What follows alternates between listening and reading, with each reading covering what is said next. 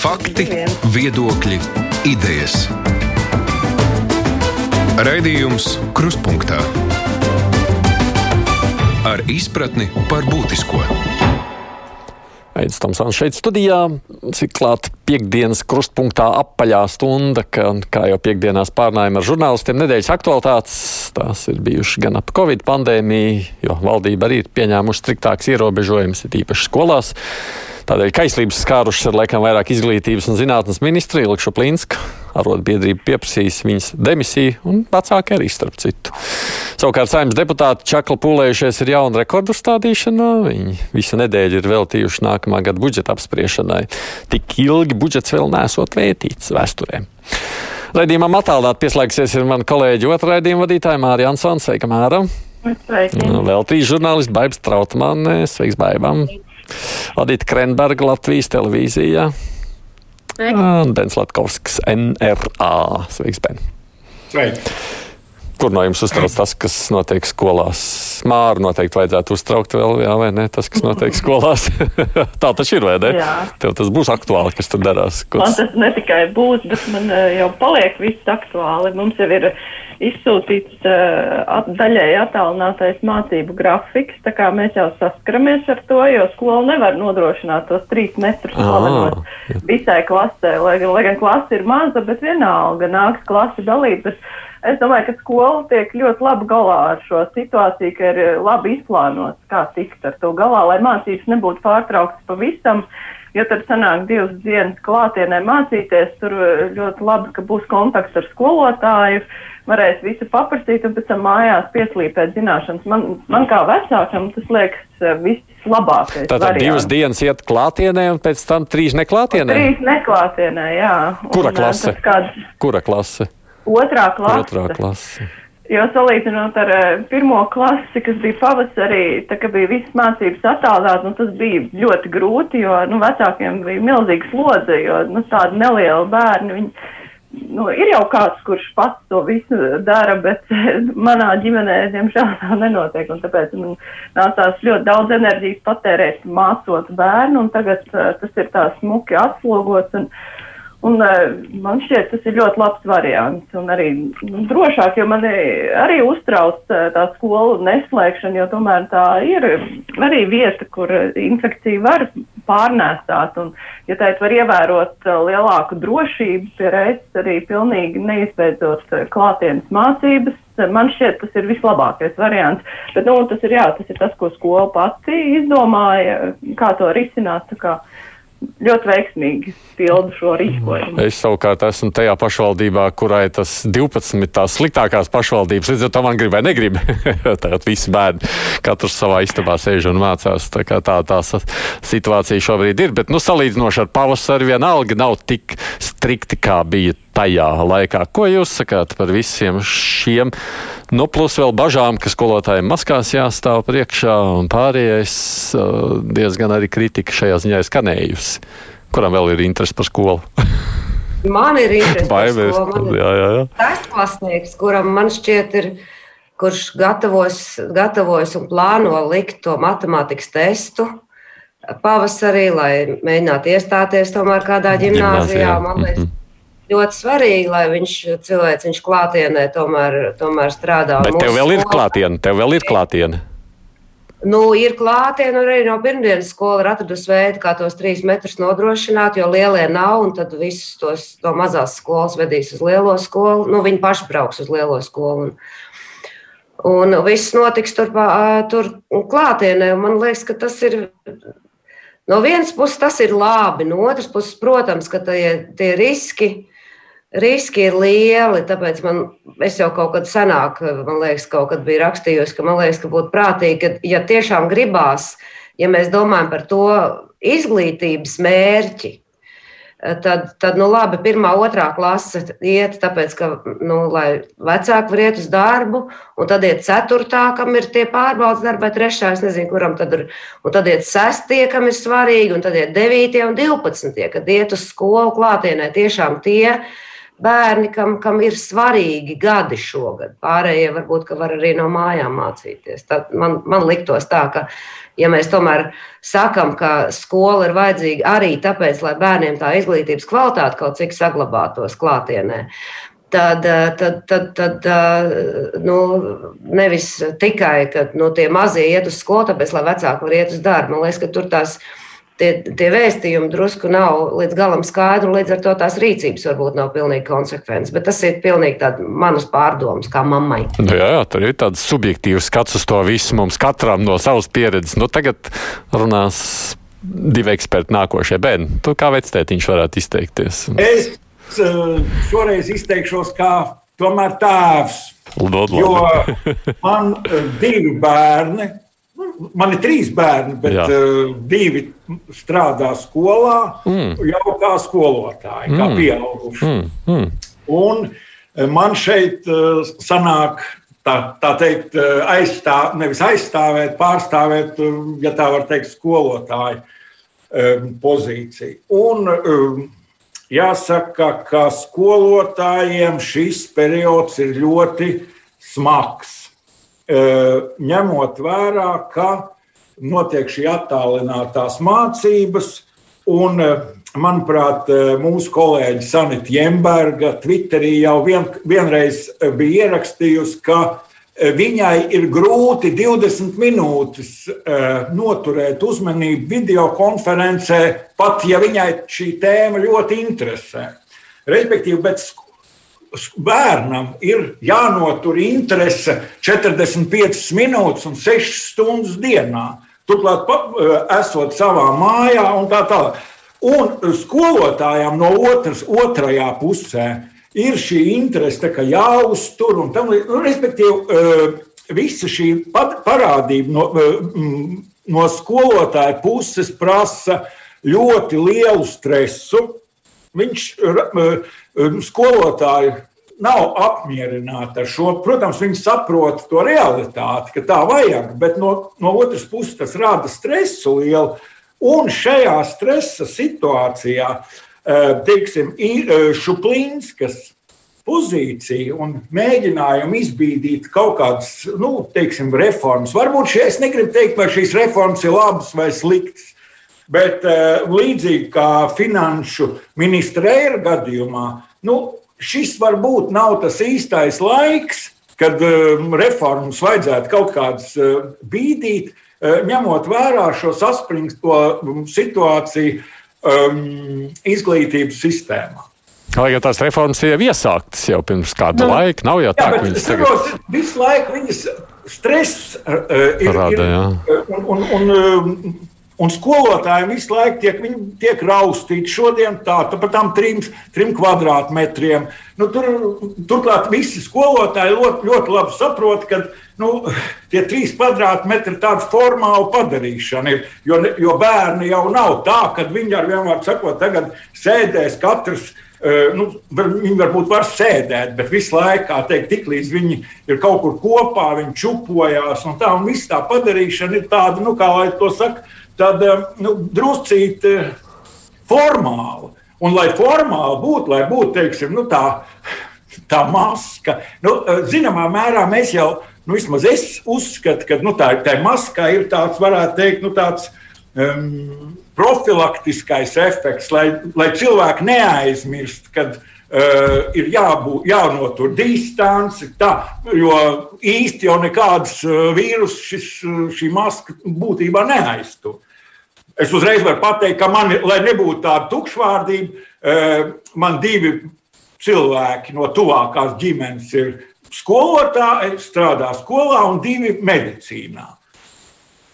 Nu, labi. Meita un dzīves biedra. Tā, tā, tā, tā tu esi nosnācis savu secinājumu. Jā, jā. Adita, tu ievilki gaisu jau plaušās un nepaspēji izlaist to. Jā, es ievilku gaisu tajā brīdī, kad es uh, dzirdēju, ka Bens pieminēja vārdu reformas. Un, uh, domājot par uh, to, ka arotbiedrība ir prasījusi izglītības un zinātnes ministras demisiju, es dzirdot vārdu reformu un to pretestību, kāda pret tām reformām uzreiz atcerējos, ka ļoti ilgus, ļoti ilgus gadus visu laiku tomēr arotbiedrība ir bijusi tā, kas ir bremzējusi tās reformas. Arī tad, kad bija salīdzinoši labi gadi, kad nebija nekāda pandēmijas gadi. Un pretrunu es redzu tajā, ka arotbiedrība no vienas puses ir apstrīdējusi to reformu un skolu tīklu sakārtošanu, kas uzlabotu izglītības kvalitāti, ko pierāda daudz pētījumu. Par to nevajadzētu vairs vispār nevienam kā, vairs šaubīties, ka tas ir liederīgi, liederīgi šī reforma. Un, un tātad šo, šī reformas rezultātā būtu arī atbrīvosies tā papildus nauda, ko tagad atkal arotbiedrība papildus prasa, lai šī nauda tiktu piešķirta pedagogiem, kuriem, protams, iet ļoti slikti. Nu, nav par to nekādu šaubu, bet tāpat laikā vajadzētu saprast, ka tagad ir pandēmijas gads, ka pedagogiem nākamajā gadā ir piešķirt jau vairāk nekā 33 uh, miljoni nu, klāt pie, pie atalgojuma.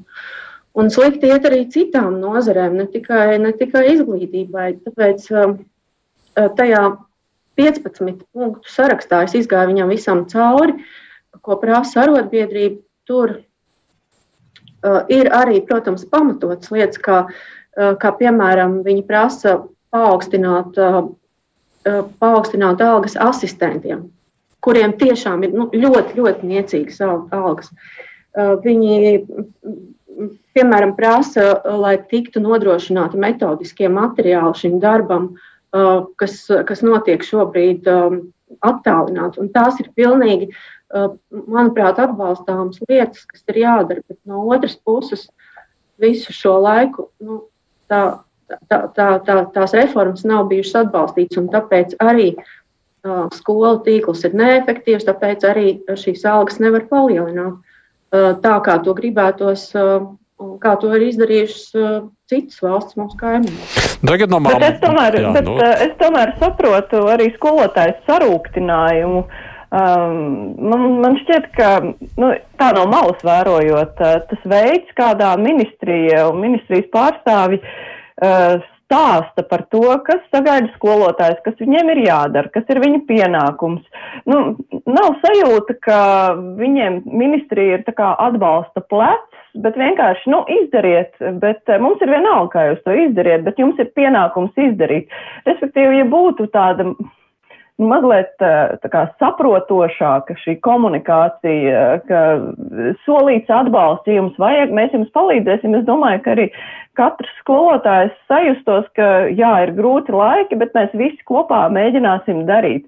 Bet tas veids, kādā ministri runā, nu, es nezinu, protams, droši vien, ka viņi to speciāli nedara, bet vismaz man šķiet, viņai sanāk. Uh, ka skolotājiem tas vienkārši ir nepatīkami, ka viņi nejūt, ka ministri ir viņas pusē, kā arī vēl daži citi ierēģi. Gribu teikt, ka. Par komunikāciju jā. pilnīgi, pilnīgi piekrītu. Piekrītu absolūti simtprocentīgi mārē par komunikāciju. Jā, tā ir. Uh, katastrofāli. Ar to domu, ka ja vien mācētu sarunāties, tad varētu daudz vairāk izdarīt nekā tad, ja tā nesarunājas. Tā, jā. Nu, vismaz nu, labāk būtu. Jā. Nu, tieši tā, jo, jo skolotāji arī saprot, ka ir grūtības, ka mums ir visiem kopā kaut kas jādomā, ka mums te ir jārisina, nu kā mēs tos pašus trīs metrus ievērosim. Tagad ir arī jaunā jaunais saturs jāievieš, bet eh, tajā brīdī, ka vienkārši tā pasaka, nu, jums ir pienākums ieviest, ieviesiet, eh, viņiem saka, jā, bet mums nav tas un tas, nu, un tad ir visādi satrunas, kāpēc nav, nu, nav tādas sakarīga saruna, lai skolotājs justos, ka mēs esam vienā komandā, mums ir visiem viens mērķis, ir tā kā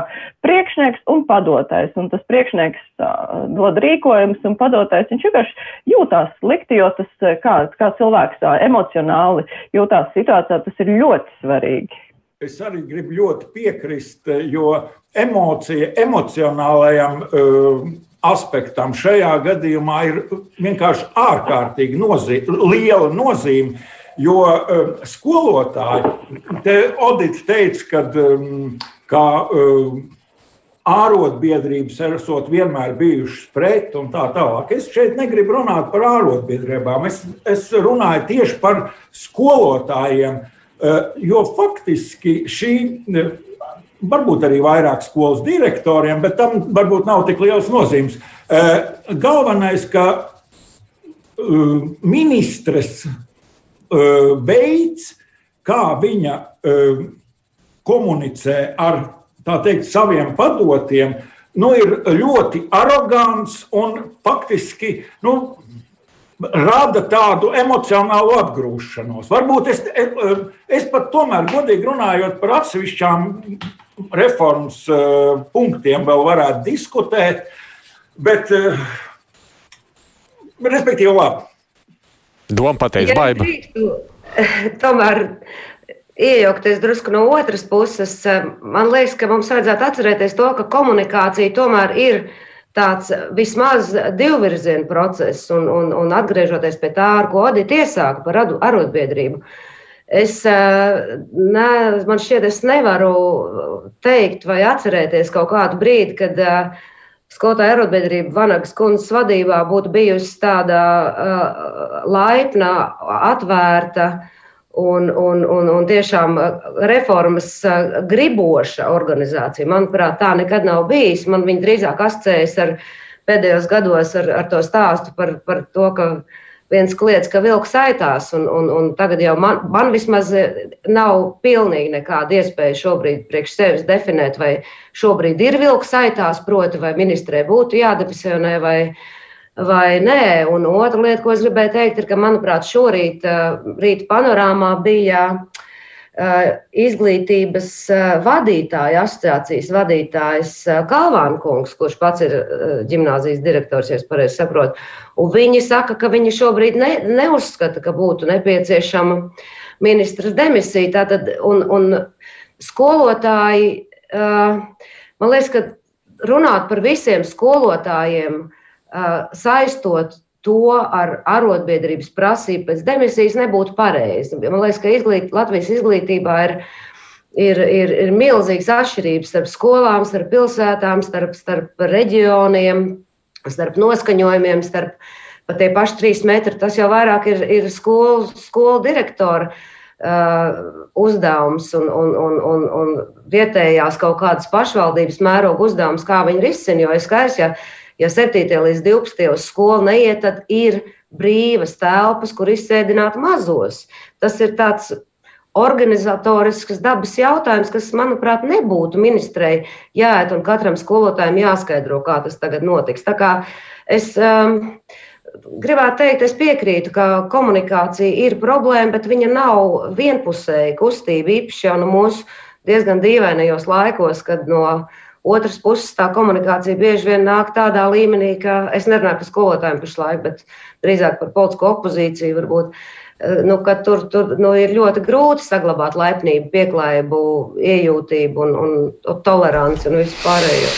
Man liekas, ka Ilga Šuplinska nekad nav bijusi ar tādu pretīm nākošu komunikāciju. Viņa kā nāca amatā neesmu dzirdējis, ka viņi mēģinātu kaut kā šīs attiecības eh, padarīt, nu, apusēji jaukākas. Um, nevis tāpēc, ka varbūt, ka viņi to negribētu, bet vienkārši viņai um, iespējams ir tāds stils, nu, ka viņi rada tādu iespaidu, bet tas noteikti nav nācis par labu šajā situācijā. Bet viņa nav vienīgā, kuras demisiju mēs zinām, ir prasīt. Iepriekš to pašu darīja par labklājības ministriju sociālajie darbinieki, un arī tur šķiet bija stāsts pamatā par komunikāciju. Nu, labi, proti, par uzliktām prasībām, bet par nesarunāšanos.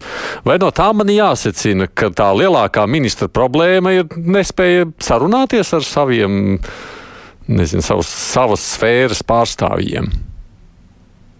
Man liekas, ka šīs situācijas atšķiras viena no otras, kā, kā šo plinskai visi tie izaicinājumi, jo man liekas, viņi sāk ar, ar milzīgo kauju par universitāti, kas bija smaga un skarba. Un, un, un, un tagad uh, viss šī situācija, tas, man, manuprāt, ir drusku citādāk nekā Petrāvičs stāsts. Petrāvičs stāsts, manuprāt, mm. ir tas, ka viņa nav spējīga īsti tā kvalitatīvi komunicēt par savu, savu nozari, bet varbūt es kļūdos. Es domāju, ka, ka e, zinām nozīme ir tajā, ka e, pašreizējā valdība ir, nu, ja var tā teikt, bez alternatīvas. Nav, un ministri ir pieraduši faktiski, ka viņi īsti var darīt, ko viņi grib. Jo viņiem nekas nedraud. Ned, būtībā arī šajā gadījumā var jau prasīt Šuplīnskas atkāpšanos, Bet, ja partija stingri nostāsies viņas pusē, un es domāju, ka tā tas notiks, tad arī Šuplīnska paliks. Un tā arī vispārējie ministri. Viņi var, teiksim, par to tikko pieminēto Petrāviču. Nu, viņi var arī runāt un darīt, ko viņi grib. Un neviens viņu, kā teikt, no uh, amata nelūks. Ziniet, ziniet, varbūt jums tomēr vajadzētu paiet māliņā vai kaut kā tamlīdzīga. Jo mm, tāda ir izveidojusies situācija valdībā. Un, Un līdz ar to valdība, valdībai ir kaut, kāds, kaut kāda sajūta, ka viņai ir carte blanche uz, jebkurām, uz jebkuru darbību, uz jebkuru um, izteikumu un tā tālāk. Nu, tik vienkārši nebija. Mēs redzējām, pūces stāsts. Pūces stāsts rādīja, ka tik viegli tas, protams, vienmēr nav. Māris grasījās kaut ko teikt. Es, es gribēju piebilst, ka Šuplīnskas un Petrāvičs situācijas vispār nav salīdzināmas, jo, ja Šuplīnskai var pārmest to nekomunikāciju, tad kopumā jau ministrija jau nu, strādā, dara to, ko vajag, un nu, viņi ir kompetenti, viņai nu, tikai ar to sarunāšanos ir tā sliktāk. Savukārt, Petrāvečs gadījumā tie pārmetumi ir pilnīgi citi, ka pirmkārt ir šaubas, vai ministri pati ir pietiekami nu, tver laukumu par to, kas ir nepieciešams. Un, nu, tā komunikācija tāpat paliek otrajā plānā, jo tur pat uh, nav svarīgi, cik labi komunicē vai nē, bet ka vienkārši ka ir lietas, kuras netiek normāli risināts. Bet tā tev šķiet, tajā, tajā ziņā, tad, kad tika lemts par uh, pašu demisijas pieprasījumu, tur jau pamatā bija runa par to, ka lūk, viņi nepiekrīt šim lēmumam un saka, ka ministri ar mums nerunā.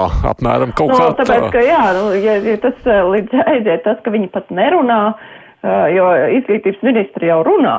Vienkārši tas, kādā veidā tas sanāk, bet ja pat nerunā un vienkārši tiek pieņemt lēmumu nerunājot, nu, tad tas jau ir tāda nākamā pakāpe. Un Šuplīnskas gadījumā es domāju, ka, nu, labi, to demisiju pieprasīja, bet uh, nekāds to mēģinās realizēt valdībā un nevajadzēs arī partijai mēģināt atšaudīties, jo tur jau vairāk vai mazāk viss ir kārtībā ar ministru, bet uh, Petrāvičs gadījumā gan tur varbūt kāds varētu arī domāt, ka vajadzētu viņu nomainīt, bet uh, tas, ko Bens teica, ka politiskā situācija kā ir kāda ir, un tāpēc tur gan varētu drošības pēc neķerties klāt. Odita, tur citī klausies. Jā, jā, nē, man liekas, ka nu, es varu tikai piebilst, ka uh, Labklājības ministrs uh, Ramons Petrāvičs gadījumā jau arī tas pats, uh, tas, tas uh, nu, tas kodols, par ko bija tā pretestība pret, eh, pret viņu, un tas, eh, tas lielais, eh, tas, tas tie, nu, tā neapmierinātība jau bija par tiešām nu, ļoti nepareizu lēmumu. Ka, nu, nevar uzkraut mm. sociālajiem darbiniekiem kontrolēt viņu pašu aprūpējumos cilvēkus. Nu, tas vienkārši ir. Nu, tas ir, ne, nu, tas ir ne, ne, neētiski un nepieņemami un vispār Nu, tas, tas nedara nekur. Ja? Nu, viņi nesaprot, ar ko viņi īsti nodarbojās. Laikam. Es tiešām pilnīgi piekrītu visu tūlīt. Tā kā, nu, es domāju, tur bija arī tas, tas bija skaidrs, ka to nevar uh, pieļaut. Jā, bet nu, tur nekas nemainīsies. Tas, ko te jau pieminēja gan Bens, gan Māra, kāda jēga ir prasīt demisijas pieprasījumu, jo politikā tur nu, tam taču neviens ne, neklapēs, neraušs. Nu, paskaties, Aidi, tu pats tikko teici. Par puci? Vajag atrast vienu caurlaidi, un viss notiek. caurlaidi nav atrasta. Piedošana pūces gadījumā mēs eh, pūce, pūce pārstāvs nehomogēnu spēku. Ja, ja, ja pūce, ne, nu KPV, ja, protams, ja pūce, ja pūce, ja pūce nebūtu atkāpies, ja vi, aiz viņa stāvošie visi partijnieki, kā teikt, būtu teikuši, tā kā uh, sākumā teica Ījaps, kad eh, Mārs Mičerevskis ir denunciants, kurš eh, kaut kādās privātās interesēs mūs apmelo. Un Pūce būtu joprojām sēdējis Pēldielas ministrijā, un šis skandāls tā lēnām, pamazām noplaktu un, un aizmirstos. Pūce, var teikt, pats pasteidzās atkāpties. Nu, nezinu, tur gan tiešām tur bija acīm redzams partijas spiediens vai partiju spiediens apvienībā iekšā. Savukārt KPVLV. Nu, tur jau laikam, kā baigi, ja tur nav kam spiest, ja tā es sapratu no tavas replikas par homogēno partiju. Nu, manuprāt, tur nu, teikt, ka, ka KPV ir spēks, kas stāv aiz ministra, būtu pārspīlēti. Tas, ka visi daudz maz saprot, ka valdības stabilitāte ir jautājums. Un, Un, un tas, ka attīstībai par tiešām kaut kādu iemeslu dēļ to pūci ļoti, ļoti, ļoti ātri izspļāva.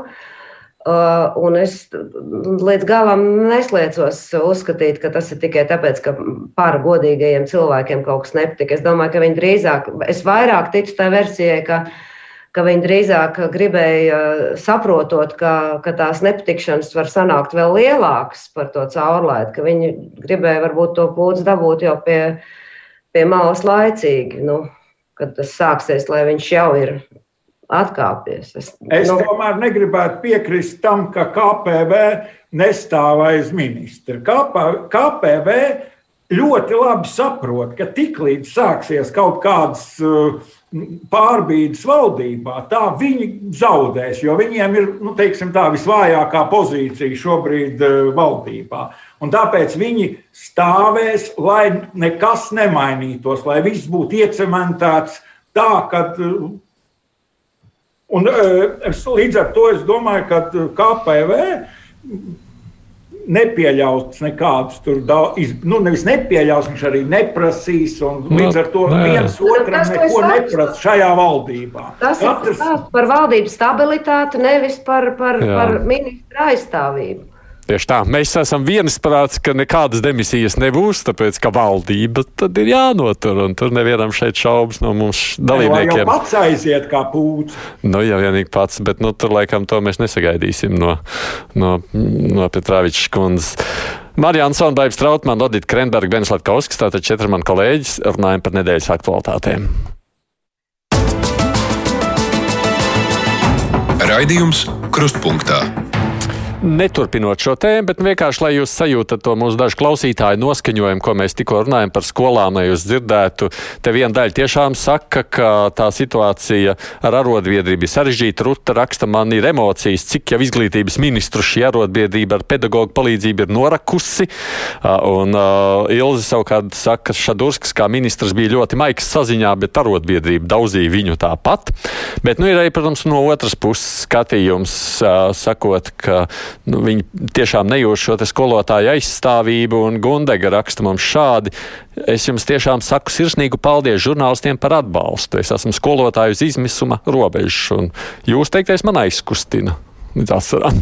nu, te mēs redzam to dažādību arī mūsu klausītāju vidū, kā katrs to saredzam vai sajūtam.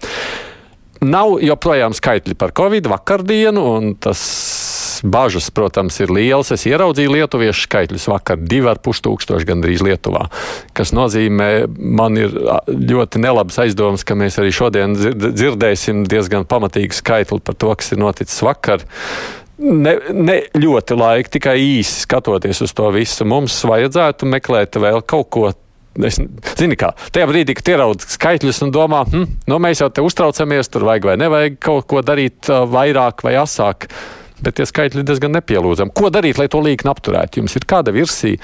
Tas, ko sacīja premjerministrs, mums vajag dabūt tā, ka mēs vismaz apstājamies pie kaut kāda skaitļa. Ko darīt, lai mēs nu, kaut kādā, kaut kādā mistiskā veidā jāpanāk, lai cilvēki ievēro ierobežojumus. Jo tas, ka ieviest ierobežojumi nestrādā, ir diezgan skaidrs. Pagājušas trīs nedēļas eh, nekas uz lab, labo pusi nav gājis.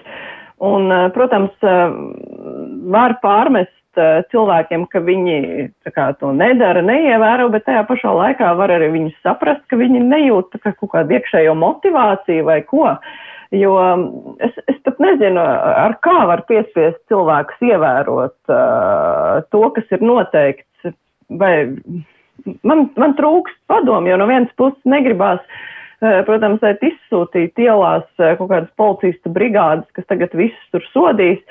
Jo, nu tā, ja tā paskatās uz ielas, cilvēki vairāk vai mazāk ievēro veikalos, tur maskas liek un it kā nečupojās, bet cik es saprotu, tā privāti diezko šie ierobežojumi netiek ievēroti, un tad notiek arī gan darba vietās, gan eh, kaut kādos sadzīves kontaktos satiekoties pārnes. Nu, acīm redzot, cilvēki nejūt situācijas nopietnība joprojām par spīti tam, ka slimnīcas jau ir diezgan pārpildītas.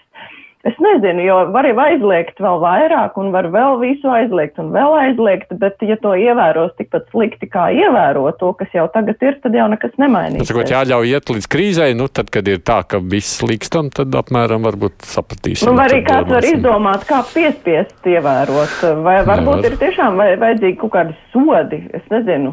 Ko tieši varbūt. Ievērot? Es godīgi runājot nesaprotu, kas ir jāievēro un kas netiek ievērots. Nē, nu, ir jau domāju, ka netiek jā. Eh, privāti netiek ievērotas, es domāju, ne distances, jo tas piemērs ar to balsi, kas eh, teica divi metri, nu, tas puisis eh, mūziķis, kurš izrādījās, ka ir arī saslims ar covid. Nu, tas ir viņam ir tas tipiskais piemērs.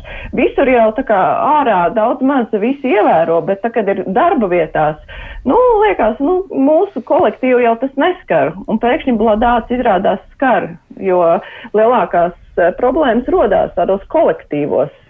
Jā, bet uh, tas, ko es gribēju piebilst, man liekas, ka varbūt, ka, nu, protams, mēs nekad nebūsim tāda sabiedrība kā Ķīnā, kas pieļaus, ka vienkārši atnāk policija un aiznaglo durvis, lai tu neej ārā no mājas un beidzot paliec tur, kur tu esi. Bet, un, un ar tiem sodiem tiešām es neticu, ka mēs kaut ko ļoti varētu arī panākt. Bet, uh, man liekas, ka mums vairāk vajadzētu analizēt to situāciju. Jo, Nu, mēs kā žurnālisti arī esam mēģinājuši saprast, kas ir tie inficēšanās tās vietas galvenās. Un tad, kad prasījuši esam tos datus, eh, tad mēs esam nu, saņēmuši, ka nu, jā, pirmie ir tie darba kolektīvi, otrie ir interešu izglītības grupas, tad ir sporta komandas ģimenes. Bet uh, nav skaidrs, piemēram, nu, tajā pašā ģimenē vai nu, nu cilvēki vai darba kolektīvā. Bet tieši kas, uh, nu, Kas ir tas, kādā veidā tā ir?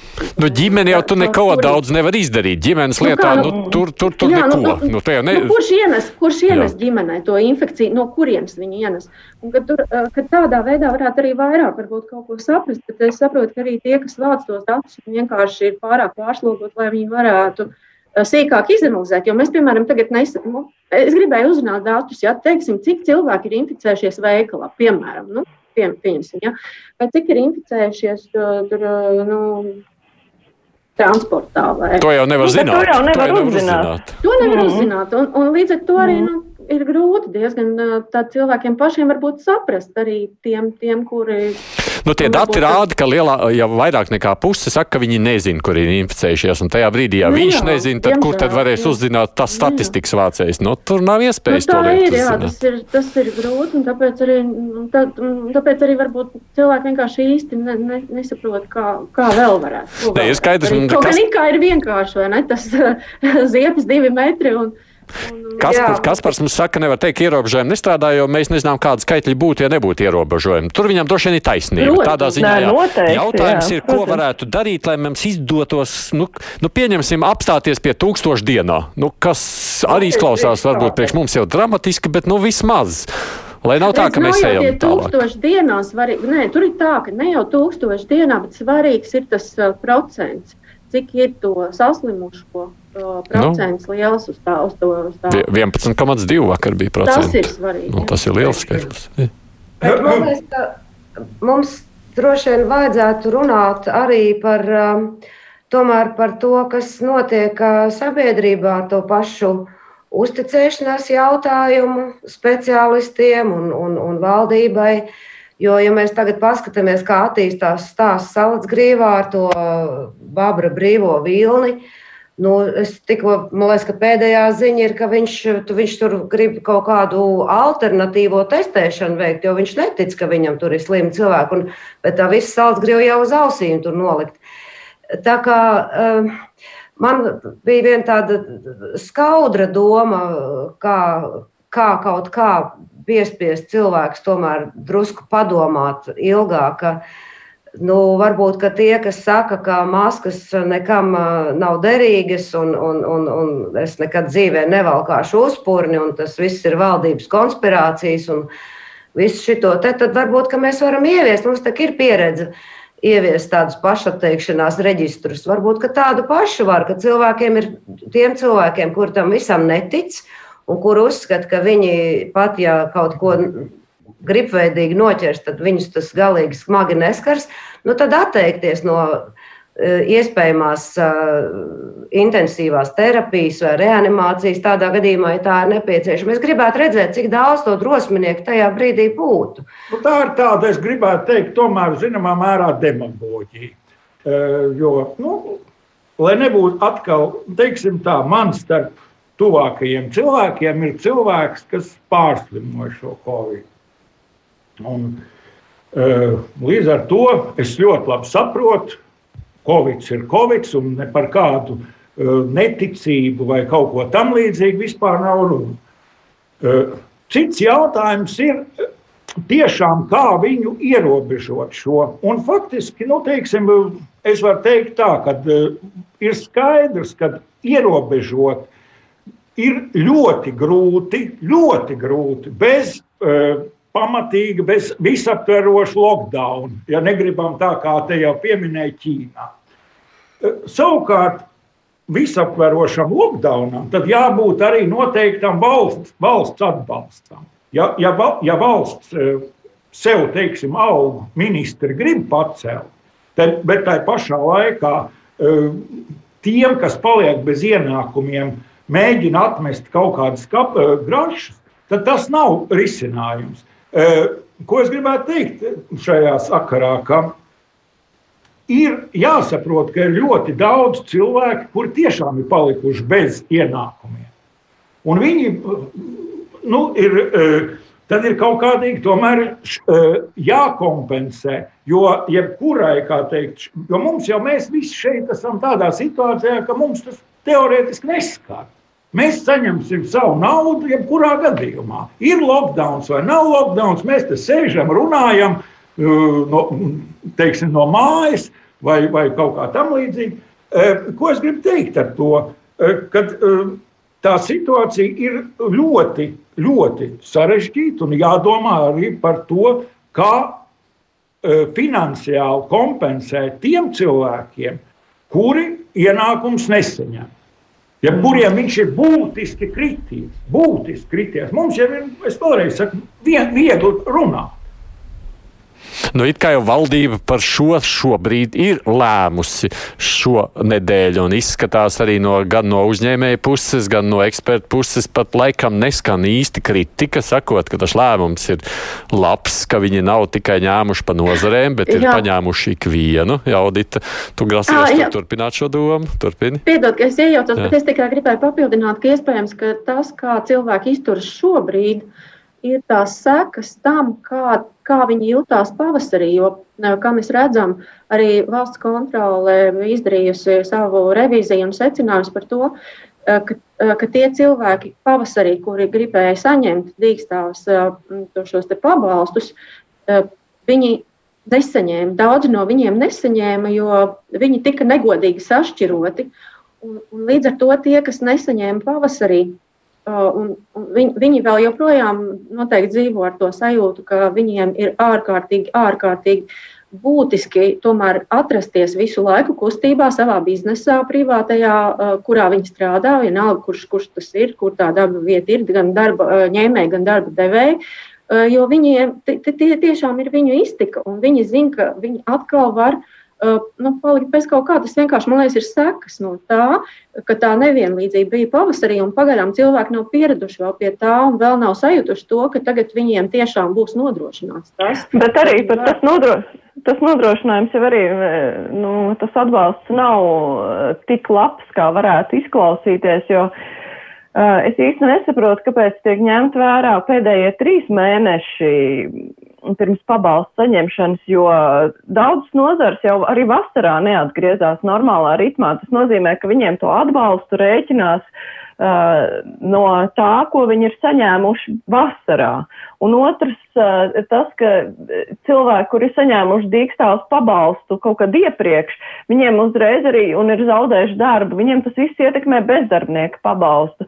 Tas uh, tā pirmajā acu uzmetienā šķiet, ka ā, tur ir, ar atbalstu viss būs kārtībā, bet uh, vienalga arī ekonomisti ir mazliet izbrīnīti par tiem nosacījumiem. Protams, ka būs kaut kādas grūtības arī rēķināt ienākumu kritumu. Uh, tā kā jau būs gads apgājis riņķī, jo tad jau tur tas, tas viss būs mainījies, bet nu, ir kaut kā precīzāk jādomā. Turklāt maziem uzņēmējiem gaidīt līdz decembrim ir grūti, jo tu nevari tā, nu, protams, ja tu gribi samaksāt tikai algas cilvēkiem, nu, nu tad varbūt var gaidīt, bet kaut kādiem nu, cilvēkiem, kas ir pašnodarbināti, kuri faktiski dzīvo, viņiem ir ienākums visu laiku, kaut kāds nāk un viņam nav alga vienreiz mēnesī, nu viņam varbūt grūti gaidīt to decembri, vienkārši neko nedarot.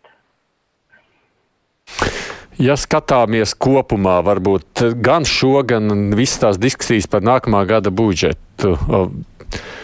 Es, protams, no tāda tīra cilvēciskā skatoties, ļaudis vispār novērtēs to ļoti skrupulozo deputātu pieeju šobrīd tam budžetam, ko dara rekordus pārsniedzot. Būs tas budžets beigu beigās tāds, nu, reiz tik ļoti cītīgi strādā pie tā, ka ir mēs varam arī uzslavas sacīt, vai tomēr tur ir vairāk kritika nekā uzslava?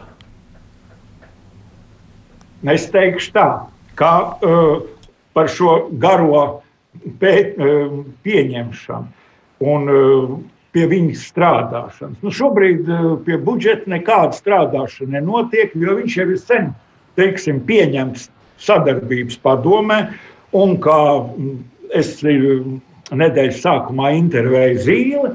Un viņš teica, tā, nu es biju domājis, ka tā budžeta deba, apspriešanas debata būs ilgāka. Bet viss tā ātri, viss notikās, kā finanšu ministrija eh, sastādīja. Neviens tur īpaši, eh, kā viņš teica, ministri klusēja, visam būtībā piekrita. Eh, nu, un, un budžets, kā teikt, šī garā runāšana šobrīd nu, ir tā teikt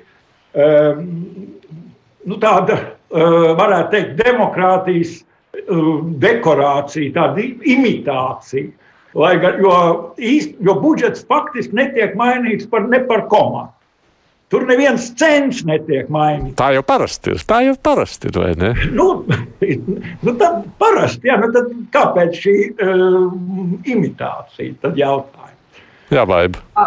Parasti ir kvotas kaut kādas. Parasti agrāk bija. Agrāk bija noņēma jau, man liekas, divus gadus. Es zinu, jā, nu, tāpēc arī nekas nemainās un viss ir sarēķināts un salīdzvarots. Es, man, mm. man, es neņemos spriest, vai tas budžets būs kvalitatīvs vai nē, bet, nu, ņemot vērā Reira kunga vispārējo sniegumu, arī dažos jautājumos, ko mēs jau līdz šim apspriedām, es domāju, ka viņš droši vien uh, varētu būt arī citādāks, bet nezinu.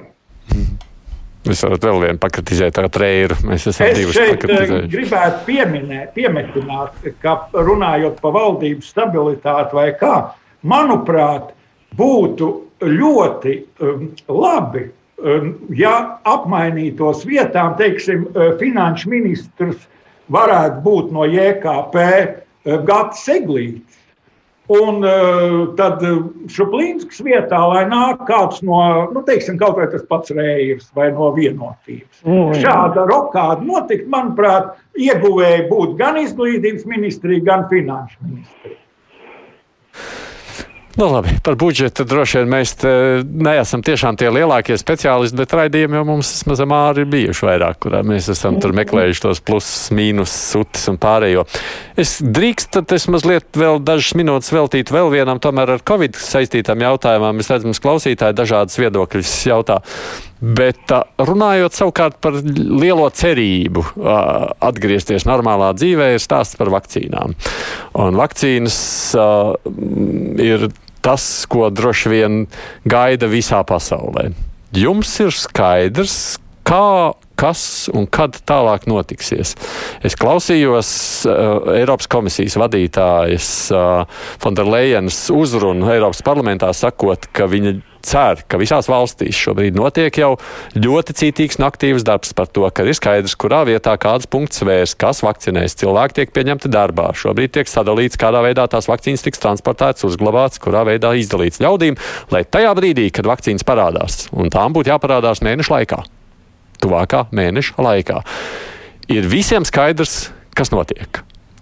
Es neko Latvijā par šo neesmu dzirdējis. Un es, klausoties to Fonderleinu, samulsu.